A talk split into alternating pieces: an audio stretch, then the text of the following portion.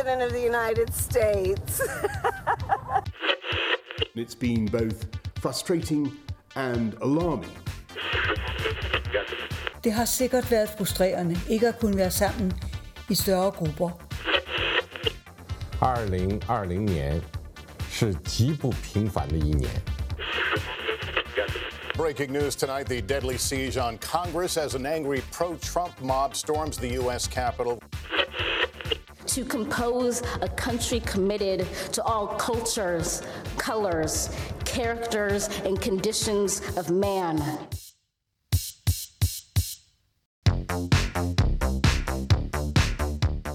Góðan dag, kæru hlustendur, þeir að hlusta á heimskviður. Ég heiti Guðmundur Björn Þorbjörnsson. Og ég heiti Birta Björnsdóttir. Í heimskviðum er fjallaðum það sem gerist ekki á Íslandi.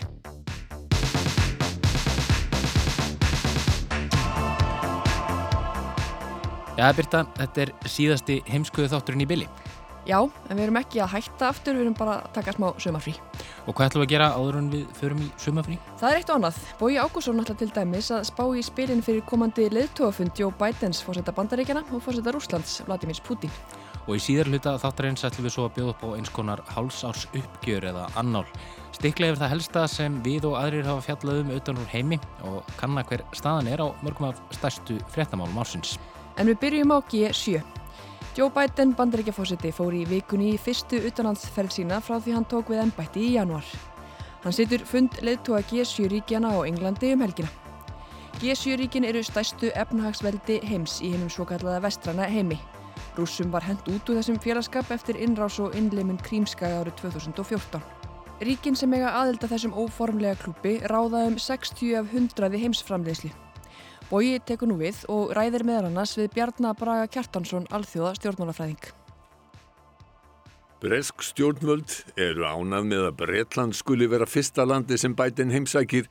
Donald Trump fór fyrst til Sáti-Arabíu og töldu sumið það merkjum breyttar áherslu bandaríkjastjórnar en Trump var auðvitað í hestamáta óvinnlugu fósetti og það gildi um utanríkistefnu hans eins og annað. Margir töldu Trump hafa nýðulegt Theresa May þáverandi fósættisráð þeirra breyta og raunar fleiri vestræna leitóa. Biden talaði strax í upphafi fósettatíða sínar um að bandarækjaman nýrðu aftur þáttakendur í alþjóðasamstarfi. Það er lán fyrir breyta að G7-fundurinn er í Cornwall á Englandi að þessu sinni. Bresk blöð hafa talið það staðfestinga á hinnu svo kalla sérstaka sambandi eða special relationship bandarækjamanna og breyta. Það fór vel á með Biden og Boris Johnson fórsættis á þeirra breyta er þeir hittust í fyrirdag þó að Biden og hans fólk hefði áður látið háðuleg orð falla um Johnson meðal annars sagt hann andlegan og líkamlegan tvípur af Trumps. Þá er vitað að Biden telur Brexit hafa verið strategísk mistök af hálfu breyta og bandaríkjastjórn hefur ótvírætt gefið í skín að falli Biden ekki nýðustöður og viðræðum um framkvæm Brexit samningsins á Norður Írlandi hafi það áhrif á viðræður um væntanlegan fríverslunarsamning bandaríkjaman og breyta. Biden er að vískum uppruna og vill alls ekki sjá fríði á Norður Írlandi stemt í hættu. Það mál sem gæti orðið erfitt var ekkert rætt á fundi Bidens og Johnsons. Aftur á Donald Trump, hann syndi lít hefðbundnum bandamönnum bandaríkjana, skammaðist út í NATO, krafðist herri hernarútgjalda, vildi kaupa Grænland og móðgæðist trúið í Dani þegar þeirri hugmynd var hafnað að hann hætti við að heimsækja köpmanöfn. Trump syndi ekki stopnunum eins og G7 saminuði þjóðunum og öðrum alþjóðasamtökum en vildi frekar eiga tvíliða viðskipti. Trump hafði sagt skili við alþjóðastofnani sáttmála og samninga. Hann sagði upp samningnum um kjarnorkumál við Íran sem gerðu var 2015 og tilkynntum brott hvarf og hætti þáttöku í alþjóða heilbriðistofnuninni. Hann dró bandaríkin út úr Parísasamkómulæginu um aðgerður í lofslagsmálum og hann lísti samningum sem fyrirrennari hans Barack Obama hafi gert sem verstu samningum sem gerðir hefðu verið. Trump virtist hafa óbílandi trú á eigin hæfileikum til samninga að ná díl og rætti til dæmis við Putin á einum fundi þeirra án aðstofarmanna. En nú er komin annar fórsiti sem hefur allt aðra síði og er nú í fyrstu embættisferð sinni utan bandaríkjana. Fórsetaflugvilin Air Force One lendi í flugstöð konunglega breska flughessins í Mildenhall í Surrey á Englandi síðdeis á miðugudaginn. Bandaríski flugherrin og flotin hafa þar aðsendur. Biden ávarpaði bandaríska hermenn í herstuðinni strax eftir komuna.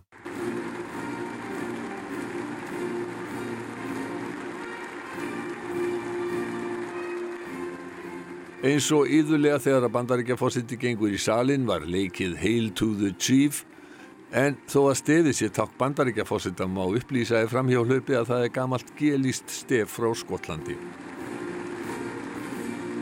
Joe Biden er allt öðru vissi fósitt en Donald Trump. Hann er alþjóðasinni af gamla skólanum og sver sig þannig ætt við alla bandaríkjafósita frá tímum Franklins Roosevelts. Strax á fyrsta degi eftir að hafa tekið við ennbættinu undirýtaði Biden fjölda tilskipana til að afnema ákvarðanir Trumps þar á meðal um að taka aftur þátt í Parísarsamkúmuleginu. Biden sagði ræðunni í Mildenhól frá því sem framundan væri og hafði skilabóð til Vladimir Putins fórseta Rúslands sem hann hittir í næstu viku. This is my first overseas trip as President of the United States. I'm heading to the G7, then to the NATO ministerial, and then to meet with Mr. Putin to let him know what I want him to know.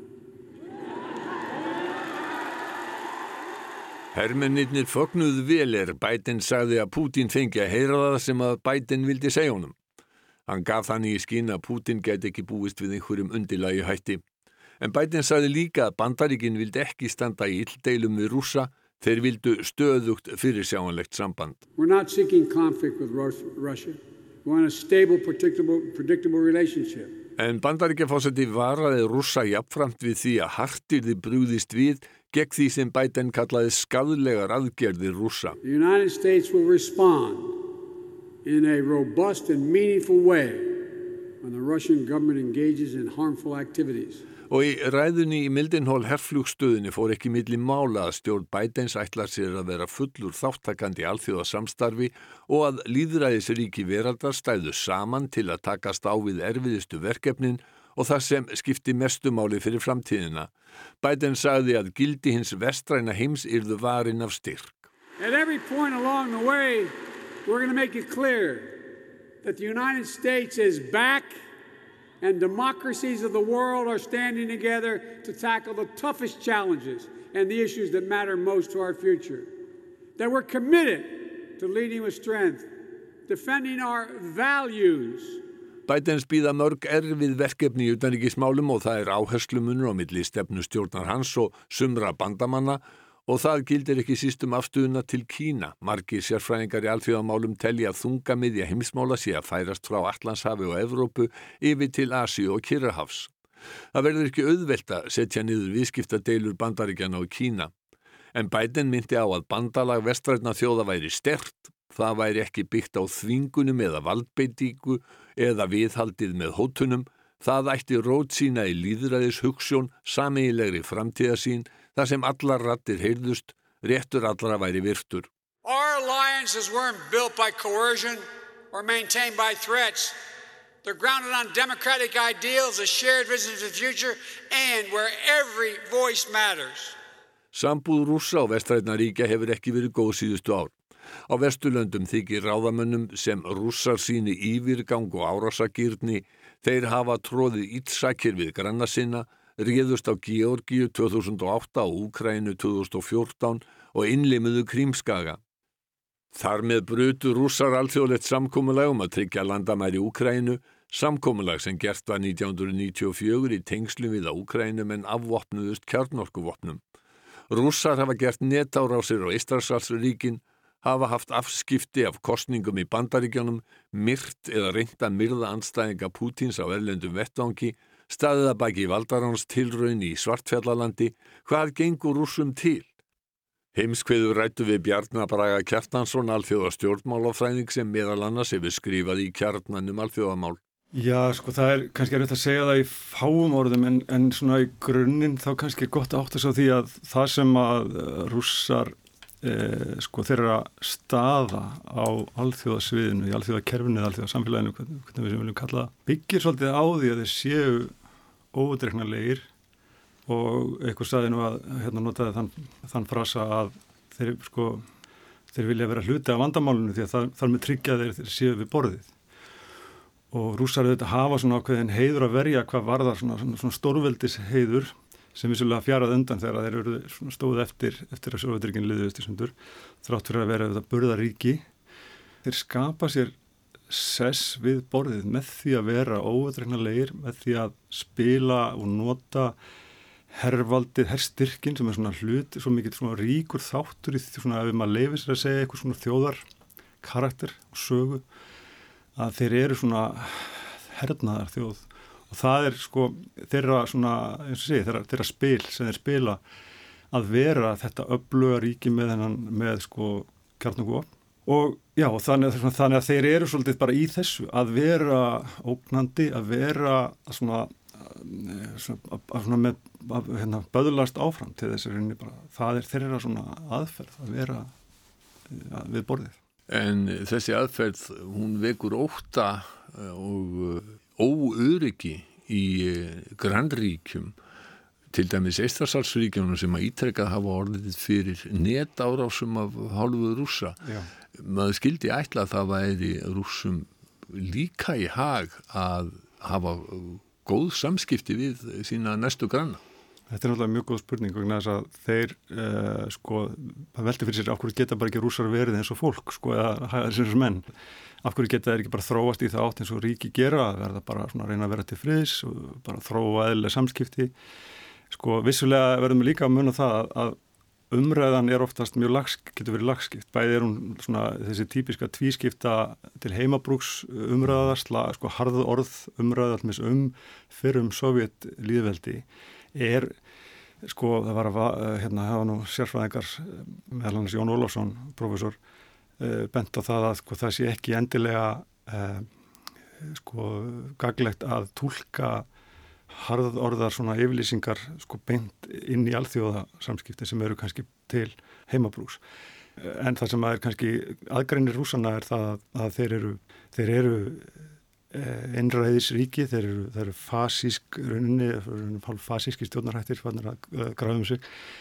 Þannig að svona þessi ógnandi hegðun er kannski ekki alveg eins ógnandi og hún kannski gæti verið tólkuð. Því svo auðvitað er þetta misjátt sko að það er, hefur verið sérfræðingar hafa nú verið að benda það að það kannski þeir séu ekkert að fara að ráðast inn í Íslandsríkin. Það er svona þar sé svolítið bara búið að, að það hefði nú svolítið settlast eftir, uh, svona, eftir fall Sovjetríkjana. Innlimun Krímskaga var beint tilefni til viðtækra refsi aðgerða gegn rúsum. Hvað lága baki? Rúsar líta á Úkrænu sem er rauninni eitthvað svona sögulega uh, sitt, þessi hluti af Rús, Rúslandi þannig að að sko, ég held að hefði þó að Úkræna þegar við gert samning Úkræna sín tíma eftirfall Sovjetríkjana og Úkræna sé formulega uh, uh, hérna, fullvalda ríki að þá líti í raun uh, rússar á Úkrænu sem svona þessum að sína eign. Og þannig að svona ógnandi hegðum þeirra við nágranna er kannski á svona misjöfnum toga en þeir líka reyndan eins og segir þeir, þeir, þeir nota sér uh, nethernaði eða svona hyper uh, hérna hernað uh, hybrid segi hernað, mm. svona með þennan blendingshernað mm. með, með netárusum og slíku uh, óspart og ég held að þeir sko að því að svo talandum að, að þetta séu yfirlýsingar annars vegar séu með ekki tólka alltaf bein að þá sé líka að þetta samskiptin eru líka lagskipt, það eru samskipti í gangi þó svo við heyrum svo oft ímist svona ógmægilegt með sko þannig að, en ég held að svona bara almennt séð þá græði bara rússar mest, sem mest á óeiningu og, og sundrungu. Þessi lagskiptu samskipti það má kannski líta svo á að já, til dæmi samstarfið í Norðurskautsráðinu sem að hefur eiginlega gengið bísna snurðulegst fyrir sig að það sé partur af því það sem að e, e, sé gott að eiga samskipti við rúsa og engin vandraði. Til dæmis, já, og, og það er hins gott dæmi um það þegar við tölum til þessum um samskipti bandaríkjan og rúsa að það er eitthvað svona sem að, að hérna, mennum hætti til svona að grípa á lofti alls konar yfirlýsingar. Eins og til dæmis rétt fyrir fund Norðurskjöldsráðsins í Reykjavík þegar Lavrov leti eitthvað orð falla á einhverjum ákveðnum staðum það að Norðurskjöldið væri eign rúsa og svo frá meðis þar var hann náttúrulega ekki kannski beint að segja að Norðskjöti var eign rúsa heldur og þá líka komum við að svona ákveðnum skilgreiningavanda sem er svona kannski flóknari. En þetta er svona kannski svolítið dæmið af þegar það fara varlega þegar það vera að ræða þessu luti vegna þess að það getur skipt máli við, hvað við erum að tala um nákvæmlega eins og, rússar ef við til dæmis bara tölum um norður slóður eða norður skauti eða norður pólin eh, strand lengja rússa er 17.500 kílometrar þeir, það væri eitthvað undarlegt ef þeir væri ekki að efla viðbúna en það er vegna siglingaleiða sem eru opnast og svo framvegis, það væri bara eitthvað skrítið. Svo hins vegar er hvort þeir sko eru að fara, að fara í eitthvað svona hernaðlega uppbyggingu eða eitthvað svona árásar, mögulegan árásar hernað í, á norðurslóðum er náttúrulega vist svo allt annað mál sko, að, og svo hvort að Ísland beinlýnist til er því svæði og svo svona Þetta er svona, en, en vissulega það er einmitt gott dæmið um það sko hvernig uh, við höfum kannski tilnefngu þess að tala um uh, svona grípulofti æsirfrettir um ógnandi hefðun en, en eins, og, eins, eins og þú segir, Norðaskvöldsráð er gott dæmið um hvernig samvinna hefur sko rauninni gengið, hún, hún rauninni samvinnan var uh, já, blómleg meðan meðlis að í kaldastriðinu sko, þá, þá voru vísindamenn að vinna saman að, að uh, rúsneskir og, og eða sérst sovjískir og bandari, bandarískir sko. Má kannski segja að um, sumuleiti þá um, gæti það slagvort sem að Donald Trump var með uh, á lofti í bandaríkjunum Make America Great Again, það gæti átt við Putin og gerum Rúsland stóruveldi aftur? Já, sko það er, það er alveg, það er, það er mjög áhverð að skoða svona sam, uh, svona samsörunna milli Pútins og Trumps og ég held að, að sko, og að lesa, þegar maður fyrir að lesa og kynna sér til dæmis um, Pútin og hans svona orðræðuna sem er í gangi í uh, Rúslandi þá náttúrulega bara er hún, ber hún mjög mikið keim, þess að þetta er svona svolítið sama sumu stefin sem eru eins og maður sá hjá eh, Trump og þetta öðrum uh, leiðtögum sem að svolítið eru farnir á þennan þessa slóð.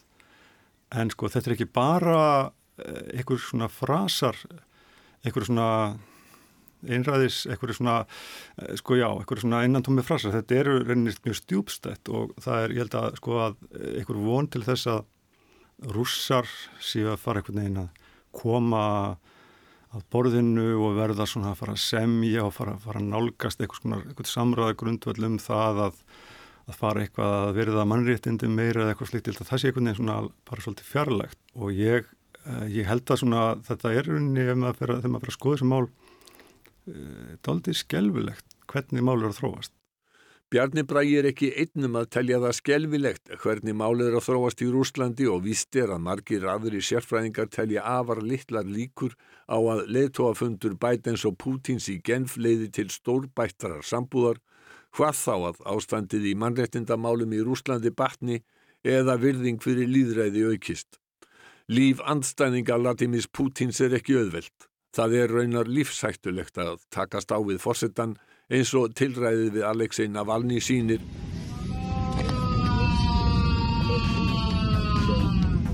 Hvala opna Navalnysum borði í flugvéli við Sýberíu eftir að hafa verið byrlað eitur gætu verið hljóðið í dauðategjum líðræðisins í Rúslandi.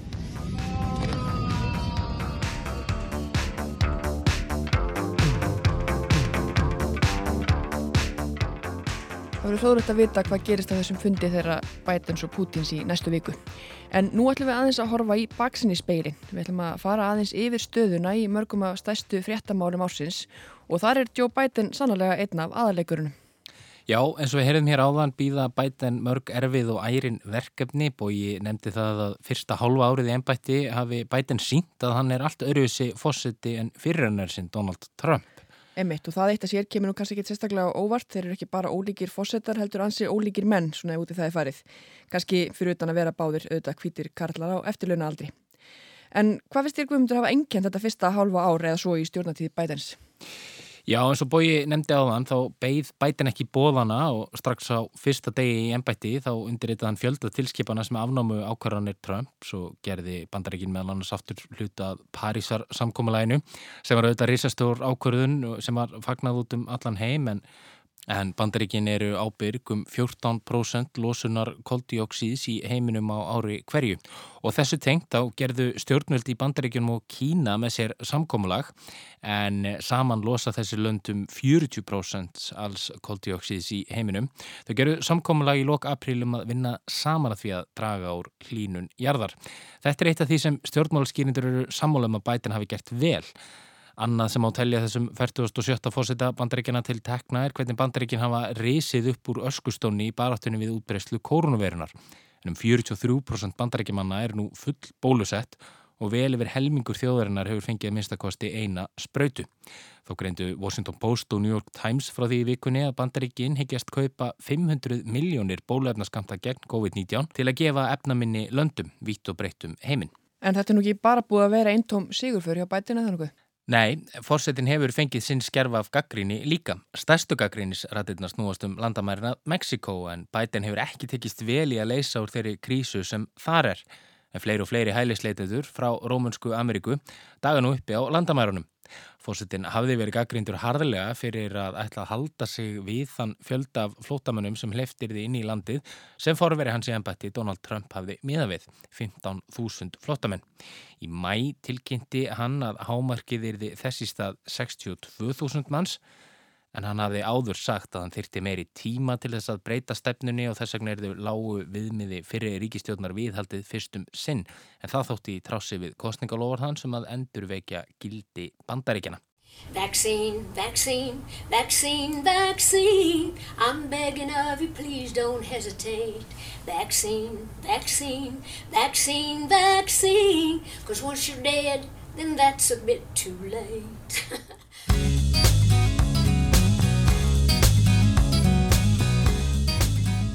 Það er svo líklega ekki eftir að líta yfir það sem afer ári án þess að minnast á COVID og svo bólusetningar.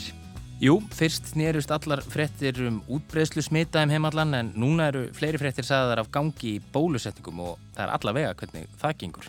Já, því þráttur er afar fögur fyrirheitum jafna skiptingu bóluefni sem heimallan er það alls ekki raunin eins og kannski marga grunaði. Emitt á miðvíkudag voru sagðar frettir hér af fólki sem þurft að býða í allt að tvo klukkutíma eftir að fá bóluefni í lögutasöllinni. Og í bandarækjunum er til svo mikið að bóluefni að þar er farið í herrferði til að reyna að fá fólki í spröytu. Já, þar er næstum verið að múta fólki til að fá bóluefni. Já, eða allavega veluna það umfram þessa vörn gegn COVID sem bóluefni eiga að veita. Yfirvöldi Washington tilkynntu til dæmis í vikunni að áhugasum geti fengið kannabisvindling í kaupauka með bólusetningum. Já, uh, Joints for Jabs, eins og það var kallað eða stuð fyrir stungur. Já, sem er þýðing Ævars Arnar Jósefssonar og mjög velhefnið. En víðar í bandaríkunum er verið að bjóða gull og græna skóa ef fólk vil láta bólusetja sig. Eða kannski ekki gull, en kleinurringi, gjafakort, lottomiða og styrki til háskólunáms og fátt eitt sem nefnt.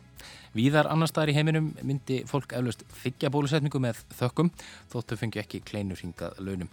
En einungis 2% íbúa Afríku hafa fengið í minsta eitt skamt af bóluefni og í Asíu er hlutfallið rúmlega 6%. Og þetta má einmitt bera saman við Evrópu þar sem að tæp 30% hafa fengið því minsta eitt skamt og hlutfallið fer upp í 40% ef að ríki Evrópusambandsins eru engungu tekin út fyrir svega. Rétt þar undir eða um 38% er hlutvall þeirra bandaríkjamanna sem fengið hafa allavega einn bólöfnarskamt eins og þú nefndir áðan. Emitt og COVAX samkomlæðið sem átt að tryggja að minnstakosti 15 fátakra ríkja aðganga bólöfni, það gengur ekkit sérstaklega vel, allavega ekki ennþá. Nei, það er einungis búið að afhenda 16% af þeim 500 miljónum skamta sem átti að afhenda fátakar ríkjum heims fyrir júni. Birna Þórarensdóttir, framkvæmtastjóri UNICEF á Íslandi, tjáði sig um þessa stöðu í viðtali við Ólafur Ragnarsdóttir í sjómansvettum í vikunni. Þetta er auðvitað algjörlega óásættanlegt. Við búum hérna í ríkari heiminum og, og blessunulega er bólusetningum að ljúka hérna á Íslandi en af 1,8 miljardi skamta sem er búið að dreifa af bóluefninga COVID í heiminum þá hefur innan við 1% farið til fátakari ríkja heimsins og við vitum það að COVID er ekki búið fyrir en allir eru komnir í skjól. Og eins og við komum inn á aðan þá var ákveð á fundi G7-ríkjana sem stendur nú yfir um helgina að þessi sjö stærstu innríki heims muni gefa samanlagt að minnstakosti 1 miljard bóluefnaskamta til dreifingar í efnaminni ríkjum heims. Það er rétt, allir eru allir að vilja gerðir en það á að gerast áður en næsta ár er á enda og þá er spurning hver staðan verður.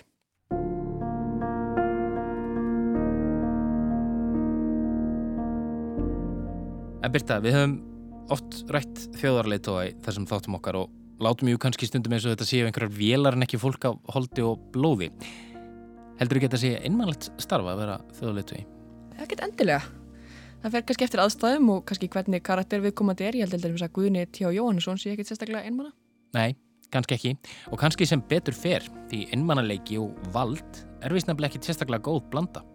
Hér í heimskuðum höfum við oft rætt um þjóðarleitu sem beita þegna sína ofbeldi, hvort sem það er líkamlegt ofbeldið í formi skert tjáningafrelsis eða ógagsæs stjórnkerfis, eru innræðisherrar og stjórna með svo gullið alræði eða því sem upp á einskur kallað totalitarianism. Og einn af þeim mönnum sem okkur hefur orðið tíðrættum í vetur er Alexander Lukashenka sem oft er kallaður síðasti einræðisherran í Evrópu, fórsiti Kvítarúslands. Einmitt, en þú aðeins að missa mig hérna áttu við að hann sé svona einmanna og þess vegna svona mikill harstjóri eins og rauðin byrju vitni. Það er allavega einkenning, já, en það er samt ekki þannig að vegna þess að hann sé einmanna þá gerir hann það sem hann gerir. Heldur er það svo að einmannaleiki er vildar vinnur harðstjóra. Í bóksinum Rætur, einræðis og allræðis stjórna frá árinu 1951 sagði þíski heimsbyggingurinn Hanna Arendt að einmannleiki sé eitt besta stjórntæki einræðisherra. Samantha Rose Hill, eh, lektor í stjórnmálafræði við Bard College, hún vekur aðtegla þessu í nýri greinsinni. Hanna Arendt, hún hjælti fram að í ríkjum þessum allræðistjórnar við líði sé einmannleiki normaliseraður með því að einangra íbúa þjóðarinnar í takt við stöðuga ógn þá verður þessi einmannleiki til og í gegnum einmannleika fólks ná svo harstjóðarnir til fólks með áróðri. Sem sagt, þú einangrast frá öðrum og þannig er auðveldara fyrir stjórnvöld að eiga við þig. Já, en eins og Hanna Arendt bendir á þá eru einræðisherrar margskonar og úrraðin sem þeir beita sömu leiðis. En rótin í þessu er einmannleikin og einangrunin og í því fælst hryllingurinn. Einmannleiki rýfur okkur frá öðrum, tekur tengslinn við annað fólk burt. Hún tengir einmannleika við víðáttu eða auðn, þar sem manneskjan er einn þó svo annað fólk sé kringum hana. Þetta er þýska orðið verlassenheit, það að vera yfirgefin að hennar mati er örvending manneskunar hvað mest í akkurat þessu ástandi þess að mennskan er raun tekin frá okkur og við missum domgrendina. Allræðis stjórnir nota til dæmis einangrun til þess að söfta fólk öðru fólki. En það er eitt og annað er svo þegar við höfum í raun ekkert annað til að miða við. Einmitt og þetta er náttúrulega veruleiki sem við höfum séð í gegnum árin ef ekki aldirnar til dæmis á Kúpu í Sovjetiríkjónum og jafnvel ennþá í Norður Kóri. Norður Kórea er einmitt kannski besta dæmið um land þar sem þetta system gengur ennþá upp. Fólk kemst ekkert á interneti þar og getur ekki séð hvernig heimurinn er í raun og veru. Til viðbútar við skert skoðan á tjáningafrælsi þá lifir fólk í stöður í ókn við stjórnvöld en um leið veit jafnvel stór hluti þjóðarinnar ekki að heimurinn er öðruvísi og til eru staðir þar sem þú mátt gera það sem þú vilt, trúa því sem þú vilt og elska þann sem þú vilt elska. Og víkur þá sögunni að Lukashenka aftur eða hvað? Já, við höfum blað nokkur sinnum rætt um stöðuna í Kvítarúslandi í heimskveimi vetur en þar hefur Lukashenka verið við völd frá árunu 1994. Hann er þessi klassíski einræðisherra, fjölmilar er á hans bandi og þeir sem gaggrina hann er einfallega settir í fangelsi. Þegar hann beð svo afhróð í fórsetakostningunum síðasta sumar eins og nær allir stjórnmálaskýrendur eru sammála um Þá breytti hann bara niðurstöðum kostningarna sér í hag og síðan þá hefur Kvítarúsland lokað í mótmælum og hundruð stjórnaranstæðinga verið fangelsuð eða einfallega látin hverfa. Og þetta er í landi sem einangrun og þessi innmannuleiki sem Hanna Arendt talar um og harstjórar á borfið Lukashenka hafa getað notað sér í hag. En það er að breytast. Já, því heimurinn er að breytast og hann er að opnast. Akkurat. Fyrir nokkur árum hefðu Lukashenkar þessa heims geta barið svona uppsteitt niður auðveldlega En við tilkomu samfélagsmiðla og sítengingar verður það erfiðara og erfiðara. Það er til dæmis aðeins þrjú ár síðan Kúpa var 3G-vætt og nú getur almenningur þar lesið sér til um hvernig lífið er annar staðar í heiminum. Það bóla svo sem ekkit á nefni uppreist þar en það glíma Kúperar við allt annars konar frelsiskerðingar en til dæmis kvítrúsar. En það verður forveitnilegt að sjá hvort almenningur vilji sjá breytingar þar á næstu árum og hvernig stjórnöld komið til með að breyðast við því. Þessu tengt á málu taka það fram hér að viðtal sem við tókum við Sofí Orloski hjá hugvitinu Freedom House um Kvítarúsland síðastlið haust.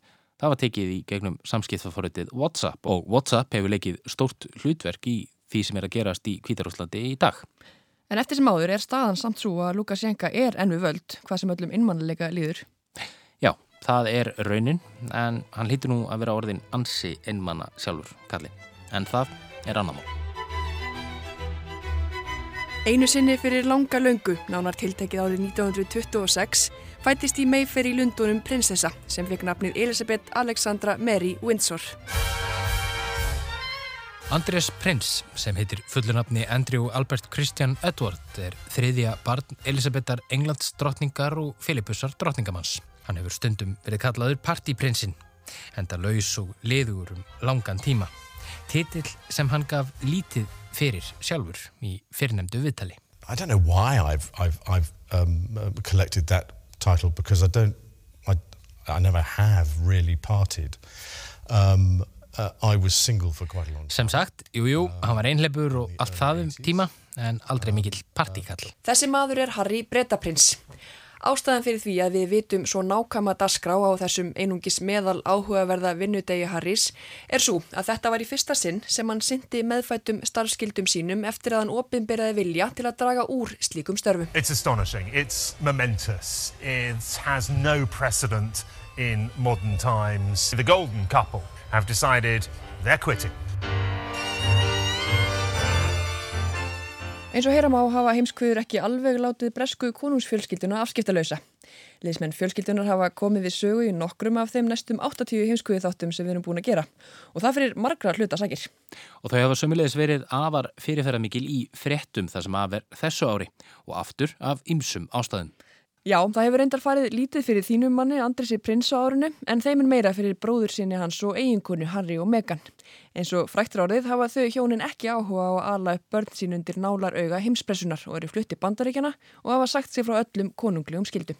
Já, ég lætt hann að vera að kalla Andres minn mann en jú, ég gerir vissilega pistilumann en Harry og Meghan þau fóruð þetta í viðtalið við ópru. And also concerns and conversations about how dark his skin might be when he's born. What? There's a conversation with you? With Harry. About how dark your baby is going to be? Potentially and what that would mean or look like.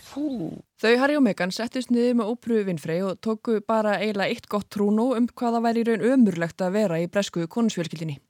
Viðtal sem síndi þetta stóra bákni ekkert sérstaklega góðu ljósi.